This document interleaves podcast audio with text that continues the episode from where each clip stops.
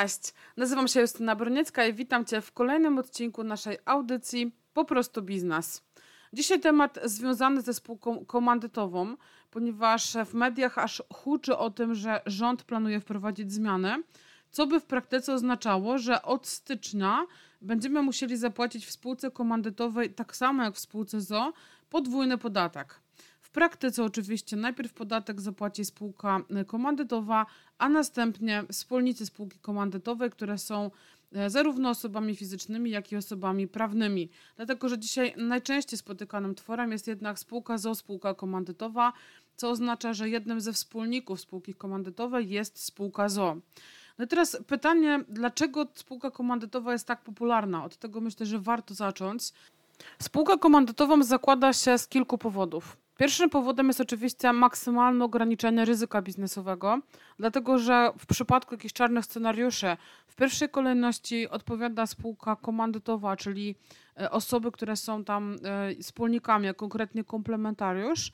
Natomiast bardzo często tym komplementariuszem jest spółka ZO, więc tak naprawdę odpowiada spółka ZO, a w trzecim kroku dopiero zarząd spółki ZO, więc w praktyce w Polsce ściągnięcie zobowiązań z prywatnych osób w takiej konstrukcji jest prawie że graniczące z cudem. Drugim powodem jest fakt, że wiele spółek ZO przekracza dochody 200, 300, 500 tysięcy rocznie. I to oznacza, że gdybyśmy te pieniądze chcieli w legalny sposób przetransferować na konta E, wspólników czy członków zarządu, to będą oni wpadali w drugi próg podatkowy. I wtedy bardzo często korzysta się właśnie z mechanizmu spółki zo spółki komandytowej, która pozwala, aby komandytariusze, e, czyli wspólnicy spółki komandytowej, płacili tak zwany podatek liniowy co oznacza, że zamiast 32% zapłacą 19%. No i właśnie z tego powodu tak często zakłada się spółki zo spółki komandytowe.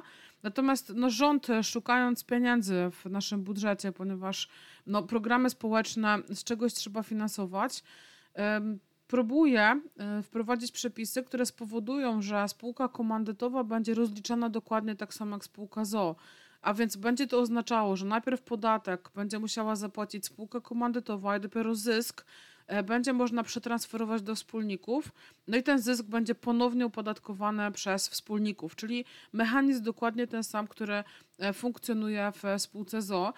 No i tutaj wiele właścicieli spółek komandytowych zaczyna podnosić bunt, alarm, że będą musieli zapłacić dużo wyższe podatki. W niektórych przypadkach to się wiąże z podwyżką nawet o jedną piątą kwotę e, dochodu, więc dosyć dużo. No i teraz pytanie, jakie mamy rzeczywiście alternatywy. Zacznę od tego, że póki co te przepisy nie weszły w życie, więc należy być czujnym i obserwować. Nie wiadomo, czy wejdą i kiedy wejdą w życie. E, mam takie osobiste przeczucie, że co kilka lat ten temat spółek komandytowych w mniejszym lub większym stopniu wraca i sprawy pozostają dokładnie na takim samym poziomie, jak były wcześniej, więc mam nadzieję, że tak samo będzie i w tym roku. Natomiast jeżeli nie, no to dzisiaj tak naprawdę alternatywą są dwie możliwości, jeżeli chodzi o rozwiązania w Polsce. Możemy oczywiście założyć po prostu spółkę ZO, natomiast tutaj trzeba będzie się liczyć z tym, że w przypadku wysokich dochodów może okazać się, że przetransferowanie ich na konta prywatne będą związane z podwójnym opodatkowaniem. Natomiast no, pamiętajmy, że każdy członek zarządu może legalnie otrzymać wynagrodzenie w pierwszym progu podatkowym, które e, wynosi nieco ponad 85,5 tysiąca. Oczywiście mówię o kwocie dochodu. E, podobnie jest ze wspólnikami. E, dywidenda jest czymś, co nie wchodzi nam do tych samych worków podatkowych, tak? Więc dywidenda zawsze jest opodatkowana 19%. No i zakładając, że E, spółka ma tak zwany niski podatek, czyli 9% plus te 19, to nadal jest pewnie mniej niż 32 czy dwa razy opodatkowanie spółce komandytowej, bo tam póki co e, to, co udało mi się przeczytać, to nie ma mowy o niskim podatku 9%, tylko e, propozycje są między 15 a 19%, jeżeli chodzi o podatek dochodowy spółki komandytowej, więc na pewno tam te rozwiązania będą po prostu droższe. Natomiast myślę, że oczy wielu z nas kierują się w stronę spółki jawnej, która w Polsce nie jest jakimś szczególnie popularnym tworem, Natomiast jest to spółka osobowa. Tym samym, jeżeli chodzi o składki ZUS, oczywiście wspólnicy, którzy są osobami fizycznymi, muszą płacić ZUS w wysokości równej wysokości tego tak zwanego dużego ZUS-u. Natomiast e, możemy tam również opłacać podatek liniowy, a więc e, możemy e, ekonomicznie wyjść na tym korzystniej, natomiast trzeba liczyć się z tym, że spółka jawna tutaj będzie nam bardzo mocno wzrastało ryzyko biznesowe, dlatego że spółka jawna odpowiada swoim majątkiem, natomiast oczywiście wspólnicy również są łatwo, że tak powiem, sięgalni, tak, jeżeli chodzi o ściąganie zadłużenia. Natomiast no, można się przed tym jakoś tam ochronić w taki sposób, że e, wspólnikami tych spółek jawnych mogą być e, na przykład spółki ZO, tak? Więc mm, zawsze można się jakoś tam przed tym bronić. No, to jest jakby kolejna alternatywa. Myślę, że wielu z nas decyduje się na rozwiązania zagraniczne. E, wielu z nas szuka już powoli alternatyw w takich krajach jak Panama, jak Dubaj, jak Hongkong tak, czyli takie dla nas dosyć egzotyczne rozwiązania. Nie mówię tutaj o spółce LTD w Wielkiej Brytanii, czy spółce e, w Czechach, e, czy też Estonii, bo też przez pewien czas była popularna.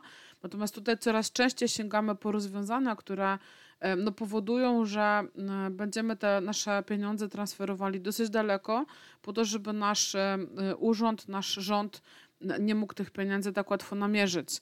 E, zobaczymy, jak to wszystko się ułoży. No ja mam nadzieję, że jednak rząd pójdzie po rozum do głowy i nie spowoduje tego, że e, przedsiębiorcy zamiast zajmować się zarabianiem pieniędzy i tym samym płaceniem jakichś tam podatków, e, będą kombinowali, jak przenieść kapitał za granicę, bo myślę, że ostatecznie dla Polski to będzie gorsze rozwiązanie.